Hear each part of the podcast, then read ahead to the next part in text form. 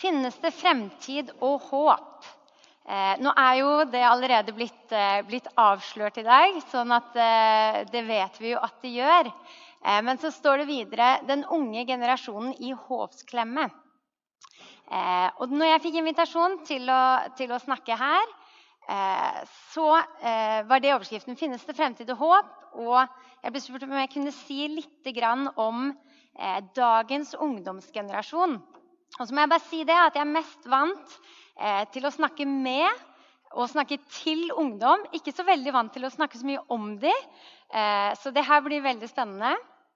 Eh, så hvis jeg snakker litt fort, så må dere bare rekke en eh, hånd i været. Jeg er vant til å ha ti minutter på meg før hele rommet har mista konsentrasjonen.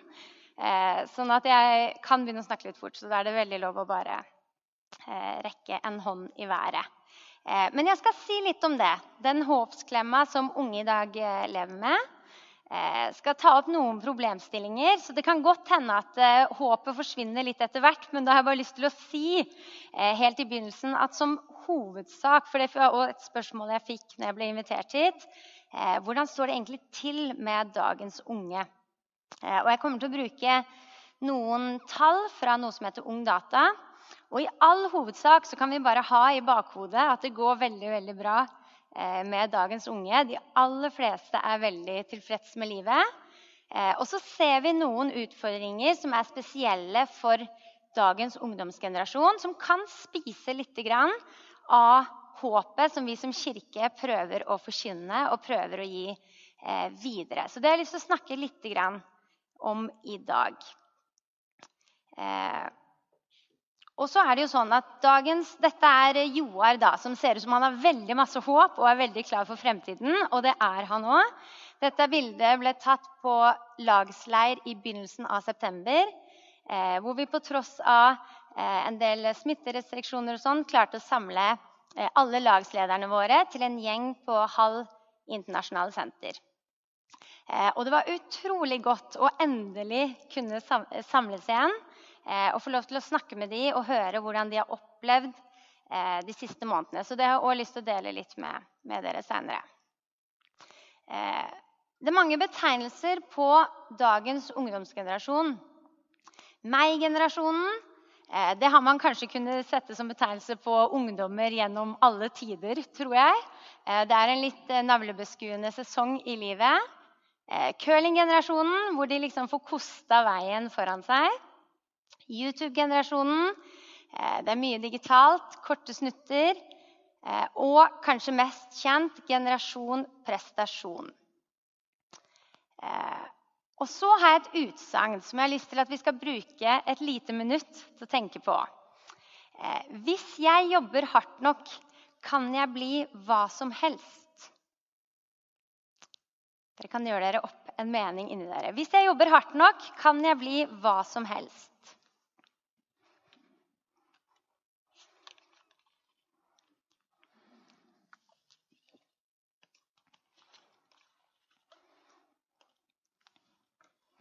Ja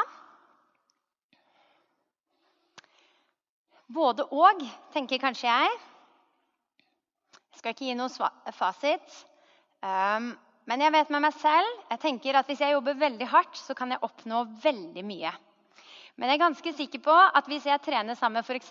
Ingebrigtsen-brødrene, så vil jeg aldri, uansett hvor mye jeg trener, komme opp på et sånt nivå. Og jeg har hørt at de har spesielle gener eller et eller annet i kroppen som gjør at de klarer å løpe så fort. Eh, så jeg kan trene og trene, eh, men jeg tror ikke jeg vil komme opp på deres nivå. Men dette, hvis jeg jobber hardt nok, kan jeg bli hva som helst. Det er De aller fleste unge i dag, tror jeg, som kjappeste svar eller uten å tenke seg om, ville sagt ja. Fordi Eh, dagens unge vokser opp med et hav av muligheter. Eh, det er ikke lenger sånn at skomakerens sønn blir skomaker og tømmermannens eh, sønn blir tømrer. Men du kan bli hva som helst. Du har all verdens muligheter. Studieretningene kjenner ingen grenser. nå må vi forholde oss litt til landegrenser, men egentlig kan du sette deg på et fly, du kan reise hvor som helst. Uavhengig av hva dine foreldre er, og hva de måtte tenke at du skal gjøre, eller hvilke muligheter du har, så har du vanvittig med muligheter. Og det betyr Baksiden av den gullmedaljen er at hvis ikke du griper alle disse mulighetene, hvis ikke du tar alle de mulighetene som du har, eh, hvis ikke du lykkes, eller hvis ikke du blir lege, eller hvis ikke du får reist rundt og sett masse, så er det du som ikke har benytta deg av muligheten. Og da er det du som enkeltindivid ikke har jobba hardt nok for å gripe alle disse mulighetene. Og det fører til Det er derfor vi kaller det for generasjon prestasjon. Eh, for det prestasjonspresset, eller hva vi skal kalle det, eh, det blir så tyngende. Eh, og enkeltindividet får så mye belastning på å skulle benytte seg av alle valgmuligheter. Jeg snakka med Ingrid her om dagen, spurte om jeg kunne sitere hun. Og hun er lagsleder, og hun sa at hun har alltid hatt mange tanker om fremtiden og veldig mange drømmejobber. Nå går hun i tredje klasse på videregående og skal begynne å velge studieretning. Og så sier hun men jo eldre jeg har blitt, så ser jeg flere og flere muligheter, og jeg blir bare mer og mer forvirra. Eh, og hun sa til meg jeg hadde jo en plan, men nå, liksom, for hun føler hun burde ta alle, alle mulighetene. Eh, og så kjenner hun at det er håpet som hun egentlig har om en god fremtid, om en god jobb. Hun har fortsatt et håp om en god fremtid. Eh, men dette med å skulle velge er veldig forvirrende, og så kjenner man at det spises litt eh, innover. Så, jeg har lyst til å bare gi noen korte Det er to plansjer tror jeg jeg har. eller kanskje det bare er den.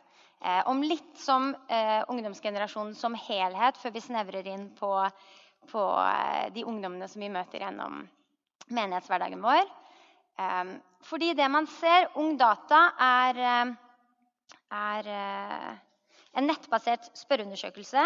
og De utgir en rapport hvert tredje år hvor de eh, spør ungdomsskoleelever og videregående elever om en rekke spørsmål gjennom tre år. Så det er en ganske dyptgående spørreundersøkelse. Og så gir de ut en rapport. Eh, og dette er tall fra 2018-rapporten fordi det har egentlig kommet ut en helt ny rapport nå i 2020, men pga. covid det siste halvåret så vil det alltid være litt spørsmålstegn bak noen av de tallene. Men det vi har sett de siste ti årene, er at andelen av elever som opplever eh, psykiske utfordringer, type eh, tunge tanker, angstfølelser, den type ting, at det har steget litt jevnt og trutt eh, de siste ti årene. Eh, som følge av det presset. Eh, det som var litt eh, oppmuntrende, og som skal bli spennende å følge utviklingen på videre, var at den rapporten som kom nå i 2020, der har det stagnert. Det er første gang på ti år at tallene flater ut. De er fortsatt ganske høye, men vi ser at det begynner å flate ut. Og så blir det spennende å se nå etter den pandemien hva den har gjort med, med ungdommene våre. Eh, men det er i hvert fall eh, Vi som jobber tett på ungdom, syns det er litt, eh, er litt, oppmuntrende. Og det gir oss håp. En annen ting som spiser litt av dagens ungdoms håp, det er sosiale medier. Fordi et annet kjennetegn nå går jeg som sagt gjennom utfordringene her. Annen, en annen utfordring er kanskje bedre enn å si en kjennetegn på dagens ungdom. Det er at de har en sånn grenseløs mengde muligheter. Og så har de òg en grenseløs eh, mengde muligheter til å få tak i informasjon. De aller fleste av oss går jo rundt med hele verden i lomma. Eh, og informasjonsstrømmingen og eh, ting som blir sendt ut, kjenner på en måte ingen grenser. da. Eh, og det som skjer er at Jeg er usikker på hvem som sa dette. Jeg har sett dette sitert flere steder, og jeg vet faktisk ikke hvem som sa det første gangen. Eh, men det som skjer er at ungdommene sammenligner sin innside med andres utside. Og det tror jeg vi gjør alle sammen. Jeg tror vi alle kan kjenne igjen at vi faller i den grøfta. Eh, men for ungdommene som det blir så massivt, og som fortsatt har tanker og identitet som er under utvikling, Eh, så er det ganske inngripende da, i, deres, i deres liv. Eh, og så, så Det har vært en trend nå de siste årene med denne picture perfect, eller denne perfekte fasaden. Eh, hvor vi legger ut ting på, på, sosiale medier i vårt mest eh, lykkelige øyeblikk. Jeg kjenner det jo igjen når jeg skal på tur med ungene mine. Så legger jeg jo ikke ut bilder fra vi står i gangen og en er kokt i dressen og en er sulten og en er bleie. Men jeg venter jo til vi har kommet ut eh, og roen har senka seg og det er liksom harmoni og eh, harmonien råder. Eh, og da legger jeg ut bildet. Men så ser man nå at det er en ny trend på sosiale medier. Eh, og jeg tar det med fordi det sier litt om, eh, om ungdommenes forhold til seg selv. Eh, og den nye trenden er at ungdommen har sett dette nå gjennom mange år. De har blitt presentert for et sånn perfekt bilde. Masse muligheter. Ting skal se bra ut, og det blir på en måte lagt lokk på de tingene som ikke er så lette å snakke om. Og så kjenner man et sånn logisk brist inni seg, akkurat som et regnestykke som ikke helt går opp. Eh, og så ser man nå en ny trend eh, hvor det er litt slutt på denne perfekte fasaden. Eh, hvor man ønsker å også vise, vise på en måte hva skal jeg si, altså Vise frem de følelsene som ungdommene egentlig sitter med, og det man egentlig eh, kjenner på. Eh, og så er problemet bare det at for å bli lagt merke til eh, I og med at ting på en måte er blitt så stort, akkurat det å bli lagt merke til i en klasse, da har du kanskje tolv jenter som du skal eh, forholde deg til. Men når du sammenligner deg med hele verden, så er det ganske sånne ekstreme tiltak som må til for å bli lagt merke til. Så vi ser at på samme måte som vi nå de siste årene har vært litt bekymra over det ekstreme nivået av måte perfekthet som ungdommene skal leve opp til, så ser man nå at eh, måten man snakker om eh, disse typer tunge tankene, de dårlige dagene. Eh, det som blir normalt, blir også litt sånn grenseløst. For hva er egentlig normalt eh, når de får fremstilt en eh, litt ekstrem side av livets skyggeside? Eh, jeg hadde et eksempel nå hvor vi var på en lagsleir eh, hvor vi skulle dele hvor det var, eh, På lørdagskvelden så var det ungdommen kunne komme frem og dele ting som Gud hadde gjort i livet deres, og ting som hadde skjedd både den helga, men òg i løpet av de siste månedene. Eh, og hvor det var ei som, som delte, eh, delte ganske sånn eh, ja, heftige ting, da, i mangel på et bedre ord. Og hvor jeg kjente, hvor jeg løp opp Dette var en leir som var vi sier, for ungdommer av ungdommer. Så vi hadde ungdommer som var møteledere, vi hadde ungdommer som hadde andakt, hadde musikalsk innslag, eh, den type ting. Eh, sånn at det var ungdommer som leda dette møtet. Og så kom det opp et, eh, et vitnesbyrd hvor ting ble delt for første gang fra scenen. Og Da kjente jeg som leder at eh, her må jeg, selv jeg småløp litt opp og tenkte at jeg må ivareta Eh, de sjelesørgiske aspektene. Kjente litt på at det kanskje var utfordrende for den som leda møtet og skulle ta over. Eh, og så så jeg ganske kjapt at ungdommene som sto rundt denne hendelsen, at de takla det på en helt annen måte enn det jeg ville gjort når jeg var 17 år. Når jeg var 17 år, så hadde jeg slitt med å finne de rette ordene. Jeg hadde, blitt, jeg hadde ikke visst åssen jeg skulle forholde meg til det vanskelige livet. Jeg hadde ikke møtt det i så tidlig, tidlig alder. Eh, men for disse ungdommene de var ikke redde. De var ikke redd for å tråkke i salaten. Eh, og de vågte å være nær på en helt annen måte enn det jeg tror at ungdomsgenerasjoner har eh, vært tidligere. Da. I hvert fall sånn som jeg kjenner min egen, egen ungdomstid. Og alle vi som var ledere på den leiren, vi hadde en debrief med ungdommen etterpå. Eh, for det hadde vi lyst til å gjøre, og det tror jeg er viktig, det tror jeg er rett. Og jeg tror ikke nødvendigvis at den hendelsen Vi håper at vi unngår det neste gang. Men det var ganske interessant allikevel å observere hvordan dagens ungdom ikke er redd for det som ikke er, eh, ikke er godt. Eller de er ikke redd for å snakke om det vanskelige, de er ikke redd for å ta i det vanskelige. Eh, de er ikke redd for å finne feil ord. De, de, vet så godt at det er bedre å si noe enn å ikke si noe i det hele tatt. Eh, så det skal bli litt spennende, spennende å følge, følge, med på. eh, som blei veldig konkret for oss, da. Nå er jeg på litt sånn tid her, derfor er det noen ting som jeg tenker at At jeg ikke går dypt inn i. Eh, men jeg har lyst til å nevne det fordi at det er så viktig for eh, dagens ungdom. Travelhet eh, er noe vi jobber masse med i laget for tida. Det å ikke fylle kalenderen sånn at det ikke blir, ikke blir plass til noe annet. Og, og, at man blir en del av det der jaget. For det er det vi hele tida prøver å hjelpe ungdommene med. Med å få lagt ned det her prestasjonsjaget. Legge ned eh, jaget etter sitt eget håp. Etter å selv skulle være eh, håpets eh, smed. Men få lov til å eh, koble seg på noe annet. Men da tror jeg man trenger å legge ned, legge ned sitt eget. Så det er en av de tingene vi jobber mye med i laget. er å redusere ungdommene sin travelhet. Jobbe litt med stillhet, legge vekk telefonen, de type tingene. Eh, og så er det ensomhet, som vi ser at særlig fra studentalder Én av fire studenter oppgir at de er ensomme. Problemet er ikke like stort heldigvis på ungdomsskolen og videregående. Da er det ni av ti som oppgir at de har en fortrolig venn. Så én av ti eh, opplever ensomhet. Men det blir jo òg kalt for den nye folkesykdommen. Eh, og vi kjenner, vi vet at vi er kalt til eh, fellesskap. Og det er lett, sånn som du også så vidt nevnte, at vi trenger det kollektive håpet. Vi trenger å bære håpet for hverandre. Og vi vet at ensomhet fjerner håpet, tar vekk håpet. Så det jobber vi òg mye med.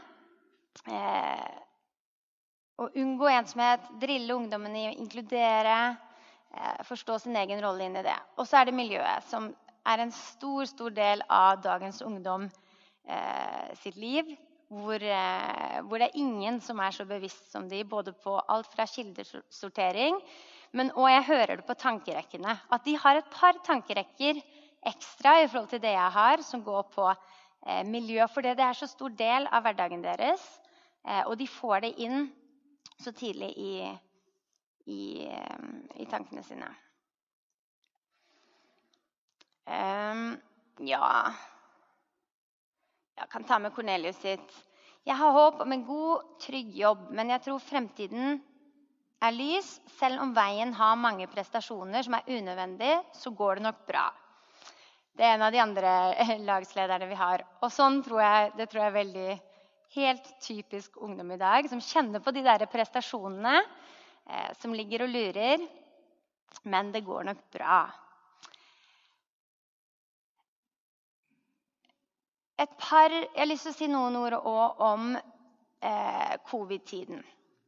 Fordi nå er det jo noen her som har eh, eh, Noen av oss har levd lenger enn en disse ungdommene, og, og, noen har levd lenger enn meg òg.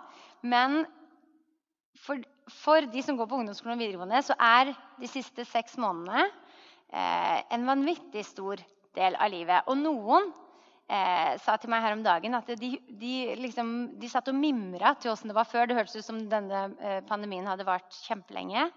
Eh, men det er utrolig inngripende inn i en f.eks. åttendeklassing sitt liv eh, med en unntakstilstand som var Nå var det jo tre måneder som var virkelig spesielle, men opp, så opplever de hverdagen sin som eh, ganske spesiell, og det er mye unntak på skolen. Um, så i møte med det så er det spennende uh, er det spennende med håp.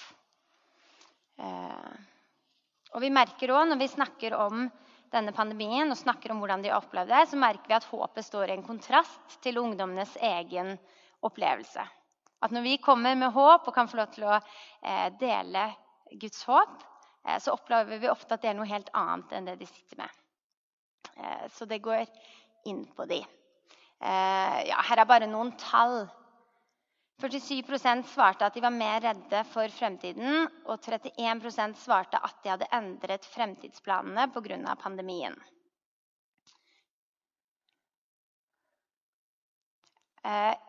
Og Ingunn Marie Eriksen hun er forsker ved NOVA, hun sier det at koronatiden ble som et sosialt eksperiment for ungdommer. Nedstengningen viste at de digitale plattformene ikke kunne erstatte fysiske møter med venner, og den sosiale distanseringen kostet mange dyrt. En viktig lærdom som vi gjorde oss under de månedene, eh, og som vi har prøvd å lære ungdommene nå i de siste årene Vi har jobba masse med det i laget. Jeg nevnte så vidt i stad det her med stillhet. Legge vekk mobilen. Ikke alltid skulle være tilgjengelig så har vi tenkt at vi må, når vi drar på leir, så sier vi ofte at fra fredag til lørdag så skal vi prøve å ha et døgn uten mobil, f.eks. For, um, for at de skal kunne få stilna tankene litt uh, og koble seg på. Uh, og da har vi tenkt at vi må ta vekk mobilen for at de virkelig skal få kjenne på hvor godt det er å være sammen. Eh, hvordan det er å skulle høre en forkynnelse, være til stede på en gudstjeneste. Eh, være til stede på et bønnemøte uten å ha mobilen eh, som ligger og lurer i lomma. Så vi tenkte at ok, vi må ta vekk mobilen. Eh, og det har vi gjort. Eh, uten egentlig noe sånn kjempesuksess. Ungdommen har sagt at jo, det var deilig det med, med et døgn, men alle har gleda seg veldig til å få eh, telefonen tilbake. Men eh, det som vi ser da etter de her, særlig de første tre månedene, hvor alt var digitalt. Eh, og hvor den eneste kontakten som ungdommene hadde med hverandre, var eh, digitale plattformer, så blei de så metta eh, at når vi spurte vi, vi, tenkte at det kanskje var lettest for oss å ha lagsmøter, fortsette å ha det digitalt, for det hadde vi i den perioden. Så sa de bare nei, vi orker ikke mer skjerm. Nå er jeg så lei av skjerm at hvis det kommer ett ungdomsmøte til Eh, på en digital plattform, det, det, var helt fullt opp hos dem. Så jeg hadde aldri trodd at vi skulle komme frem til den konklusjonen med å ha for mye skjerm. Men, eh, men det vi ser nå på ungdomsklubbene og på lagsmøtene, er at ungdommene er så utrolig takknemlige for å kunne komme sammen. Og det skaper sånn håp med det fysiske fellesskapet at det aldri vil kunne erstatte. Eh, skjerm. Og det er jo ingen overraskelse, det er ikke det. Men, men jeg syns allikevel at det var eh, eh, at det var for mye skjerm som skulle til før, før de kjente at, at, det var veldig godt uten noe. Helt til slutt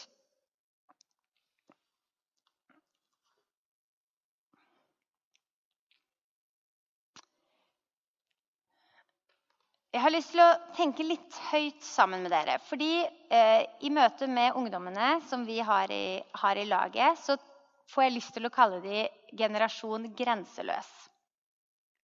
Som jeg sa, dagens unge har alle muligheter. Alt er lov for de forkynt fra samfunnet. Man er sin egen lykkes smed, og man har kun seg selv å takke dersom man ikke lykkes. Så håpet knyttes til en selv du er selv ansvarlig for ditt eget håp. Du er selv ansvarlig for å lykkes. Um, og det å få lov til å møte den generasjonen med f.eks. den store fortellingen, som for noen kan kanskje oppleves som en begrensning, eh, men en ser allikevel at det skapes håp. At håpet ligger i, i rammene. Så det å få lov til å si til de, fortelle de om hvem de er skapt av, hva de er skapt til, eh, og hvor de er på vei hen, eh, det ser vi at, at skaper håp. Og det òg er en ting å, som vi snakker litt om i forhold til det. Hva er du skapt til? Eh, for de blir jo fortalt at de kan gjøre hva som helst. Eh, så vi har hatt noen veldig, veldig spennende andakter hvor vi har snakka om nådegaver. Eh, og hvor man ser at de nesten skuldrene senkes litt ned når de får høre, når de får noen begrensninger, at Gud har skapt deg til noe, men ikke alt. Eh, har du lyst til å være med på, eh, på, reisen om å finne ut hva det er? Så skaper det noen rammer eh, som skaper håp om en fremtid. Fordi håpet ikke avhenger av en sjøl, men håpet avhenger av person. Jesus Kristus. Um, så det ser vi at For dagens ungdomsgenerasjon så er det veldig viktig med den store fortellingen og forkynnelsen om, eh, om nådegaver og kall. Vi opplever at våre ungdommer er veldig opptatt av kall. Eh, de fordi det, det, skaper en eh, Ja, det forkynner nåde for dem, da. Det er nåde for å, for å skulle gå på de tingene som Gud har lagt ned i deg. Ikke absolutt alt, ikke alle mulighetene, men det Gud har lagt ned i deg. Det ble også lest i stad, men i Jeremia så står det For jeg vet hvilke tanker jeg har med dere, fredstanker og ikke ulykkestanker. Jeg vil gi dere fremtid og håp. Og det ser vi at når ungdommene catcher det, at håpet ikke skal komme opp fra de selv, men at håpet er knytta til Jesus og den arven som de har gjennom han, så skapes det håp. Eh, og så får de lov til å, å lene seg på et håp som eh, ikke er avhengig av dagsform, men som står gjennom alle stormer. Eh, og det ser vi at bærer, bærer frukt. Eh, og så er spørsmålet hva vi kan gjøre. Liker veldig godt å ha med, ha med det punktet. Fordi en av de tingene som kjennetegner eh, dagens eh, ungdomsgenerasjon, i tillegg til at de er uredde, de er ikke redde for å snakke om, eh, om de vanskelige tingene, så er det òg eh, spesielt De blir snakka om som ansvarsfulle. Eh, og nå er det kanskje noen som har ungdommer hjemme eller eh, har noen barnebarn som som stiller spørsmål med det. Men, men, sånn som vi ser, så er det en generasjon med ungdommer som er, eh, er veldig ansvarsfulle. Nesten litt for mye. Sant? Vi jobber egentlig med å ta av litt ansvar eh, istedenfor å legge til. Men det som også er typisk for de er at de er ikke i opprør til tidligere generasjoner. Eh, de lengter etter nærhet til tidligere generasjoner. De er sultne på arven. Vi har jo noen ganger lagsvenner innom oss i laget. Eh, jeg husker bilen streika en gang vi var på hyttetur her i fjor høst. var det vel. Og Da måtte vi ringe til noen lagsvenner og spørre om de kunne komme og, og hente oss. Eh, og Da sa vi at det kommer en Nei, og Da var de så overraska over at han kunne bare kjøre på mandag formiddag. eller var det torsdag, jeg husker ikke. Eh, men så sa vi at han er pensjonist, og han var lagsvenn. Og, eh, og da var de sånn En, altså en, en ordentlig lagsvenn! Liksom en eldre mann. Dette var så spennende. Eh, og han måtte jo da kjøre Det tok jo en og en halv time å kjøre fra Stavanger. Og de satt på hytta og gleda seg til, dette, til denne lagsvennen. Bruke, og han hadde brukt tid på de. Og fortsatt så hører vi at de snakker positivt. Og det gjorde så inntrykk på dem at en som var eldre enn de, eh, valgte å kjøre opp og hjelpe oss med den eh, streikende, streikende, bilen. Så det er veldig tydelig eh, at de har ikke det der opp, opprøret, eh, men de er sultne på nærhet. Så nå I Lager Rogaland har vi begynt med noe vi kaller for mentoring, eh, hvor vi trener mentorer. Eh, så hvis det er en ting man tenker på, så ta veldig gjerne, ta veldig gjerne kontakt. For det ser vi at er noe som, som de trenger, og de er sultne på nærhet til foreldregenerasjonen. Eh, men det er alltid godt å ha noen som eh, ikke står i så nær relasjon. Så det kan vi gjøre for dagens eh, ungdommer. Vi kan minne dem på håpet de har i Jesus. Vi kan fortelle dem om nådegavene. At de er fri til å, å, gå på det som Gud har lagt ned i dem. Ikke alt, men det som Gud har kalt dem til. Eh, og så kan vi være tett på dem fordi de søker, de søker, oppmerksomhet og de søker nærhet til de som har gått foran. Fordi det gir også rammer. Dagens unge opplever jeg at er sultne på rammene. De er sultne på begrensningene. Eh, og det skaper håp da, for de. Så det kan vi gjøre. Være tett på. Og fysisk tilstedeværelse, som vi snakka om med all den skjermen, så det så gir det håp å være tett på folk. Ikke gjennom en skjerm, men ansikt til ansikt.